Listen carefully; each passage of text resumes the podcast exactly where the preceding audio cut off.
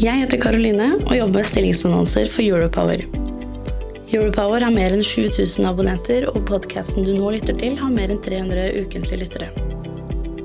Hvis du er på jakt etter ny jobb, se stilling.europower.no. Ta også gjerne kontakt med meg dersom du ønsker å annonsere ledige IT-stillinger i fornybar energibransje.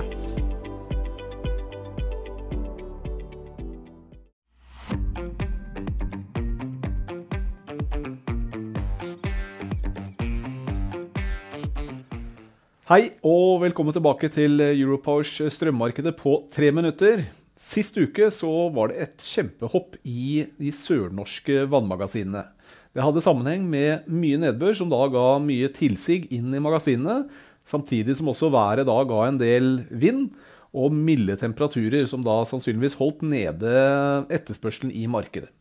I sum så ble det altså et bra løft, og nå er altså fyllingsgraden i Sør-Norge plutselig på et litt mindre kritisk nivå. Mye vær det slo også inn i eh, spotprisene sist uke, hvor vi hadde veldig lave spotpriser, altså under en krone i snitt i Sør-Norge. Det har vi ikke sett på veldig lenge. Men det var også lave priser i Europa pga. mye vindkraft. Denne uken så hopper det tilbake til mer eller mindre normale nivåer.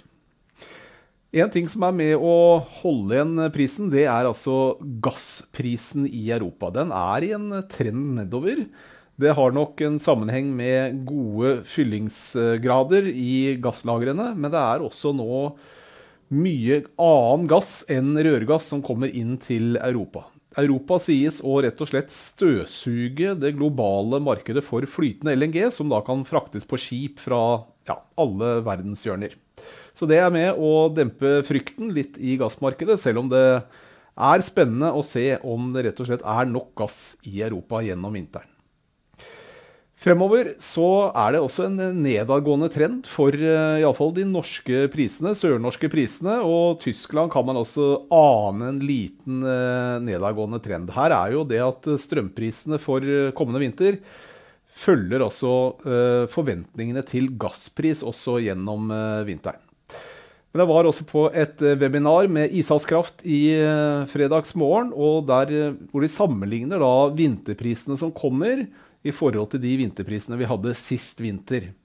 Og det er altså en vesentlig stor forskjell på strømprisene på det vi venter oss fremover, og det som vi hadde sist vinter, selv om sist vinter da også var en rekord. Dette her er jo også angropriser og uten strømstøtte, så dette her er jo priser som da eventuelt bedrifter som ikke får strømstøtte, må være forberedt på å betale. En annen nyhet er jo også at uh, nederlandskabelen den kommer i drift fra mandag. Ikke i full drift, uh, faktisk, men det er altså nok til å kunne flytte en 100 GWh strøm i uka. Nederland har uh, stort sett priser som ligner veldig på de tyske. Men det er klart, da øker jo også eksportkapasiteten da, på tyske prisnivåer ganske mye nå fra mandag. Det kan nok ha prisbetydning for de sørnorske prisene dersom ikke vi får veldig vått og vindfullt vær fremover. Husk på å følge oss på både nett og mobil, så håper jeg vi ses igjen. Takk for oppmerksomheten.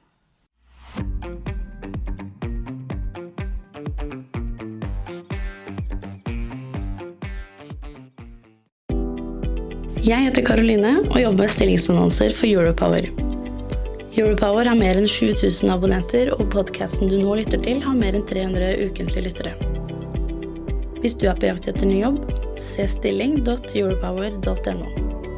Ta også gjerne kontakt med meg dersom du ønsker å annonsere ledige IT-stillinger i fornybar energibransje.